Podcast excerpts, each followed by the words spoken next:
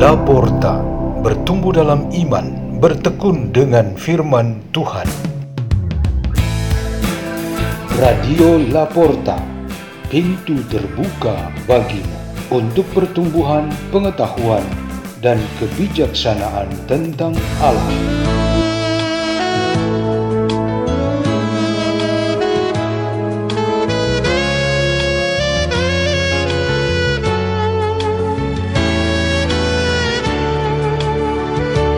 Bacaan dan Renungan Sabda Tuhan Hari Kamis, Pekan 26 Masa Biasa, 5 Oktober 2023.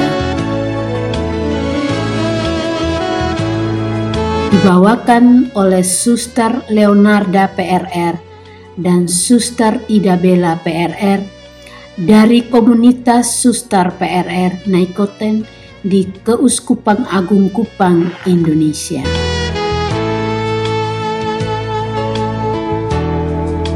Inilah Injil suci menurut Lukas bab 10 ayat 1 sampai 12. Pada waktu itu Tuhan menunjuk 70 murid. Ia mengutus mereka berdua-dua mendahuluinya ke setiap kota dan tempat yang hendak dikunjunginya. Berkatalah ia kepada mereka, Tuayan banyak, tetapi pekerjaannya sedikit. Sebab itu mintalah kepada Tuhan yang empunya tuayan, supaya ia mengirimkan pekerja-pekerja ke tuayan itu. Pergilah, camkanlah, aku mengutus kalian seperti anak domba ke tengah-tengah serigala. Janganlah membawa pundi-pundi atau bekal atau kasut dan janganlah memberi salam kepada siapa pun selama dalam perjalanan. Kalau memasuki suatu rumah, katakanlah lebih dahulu, damai sejahtera bagi rumah ini. Dan jika di situ ada orang yang layak menerima damai sejahtera, maka salammu itu akan tinggal padanya. Tetapi jika tidak, maka salammu kembali kepadamu tinggallah dalam rumah itu, makan dan minumlah apa yang diberikan orang kepadamu. Sebab seorang pekerja patut mendapat upahnya. Janganlah berpindah-pindah rumah. Jika kalian masuk ke dalam sebuah kota dan diterima di situ, makanlah apa yang dihidangkan kepadamu, dan sembuhkanlah orang-orang sakit yang ada di situ. Dan katakanlah kepada mereka, kerajaan Allah sudah dekat padamu. Tetapi jika kalian masuk ke dalam sebuah kota dan tidak diterima di situ, pergilah ke jalan-jalan raya kota itu dan serukanlah. Juga debu kotamu yang melekat pada kaki kami. Kami kebaskan di depanmu. Tetapi ketahuilah ini, kerajaan Allah sudah dekat. Aku berkata kepadamu, pada hari itu Sodom akan lebih ringan tanggungannya daripada kota itu. Demikianlah sabda Tuhan.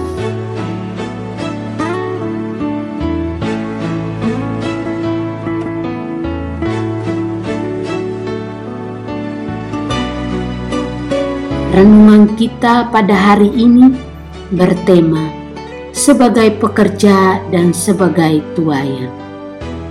Ada banyak sekali feedback atau tanggapan balik dari para pendengar siaran rohani di media Laporta ini. Ada dua contoh yang disebutkan di sini.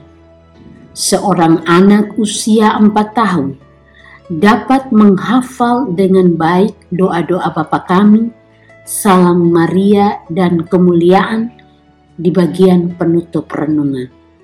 Seorang ibu lanjut usia rutin mendengar dan ia meyakini ajaran tentang menegur sesama melalui empat mata, banyak mata, dan mata satu jemaat. Jika ini tidak berhasil, serahkan saja kepada Tuhan. Ia praktik langsung dalam suatu kejadian dengan tetangganya dan hasilnya membuat dirinya damai dan tenang. Cerita pengalaman ini merefleksikan bagaimana kenyataan pekerja dan tuayan itu. Setiap hari para pewarta membagikan firman Tuhan kepada banyak orang di mana mereka sebagai pekerja dan para pendengar adalah tuayan.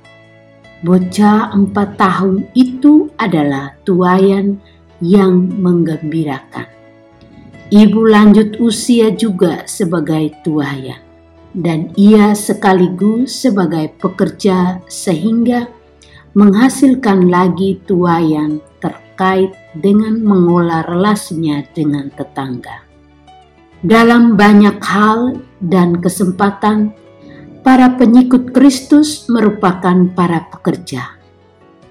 Kita bekerja dalam beberapa tahap, yaitu dimulai dengan mendengar atau membaca firman seperti yang dilakukan iman Ezra dan bangsa Yahudi dalam bacaan pertama Pekerjaan pertama tidak cukup untuk membuat kita mantap sebagai pengikut Kristus. Tahap berikut yaitu mengerti, merenungkan, dan membatinkan firman yang sudah dibaca atau didengar. Dalam mencapai tahap ini, kita sepantasnya bergembira dan beruntung dengan kemajuan rohani ini rasa ingin tahu, penasaran, gelisah, dan pencarian akan makna firman Tuhan dan kebenaran iman selalu membuat kita tenang dan damai.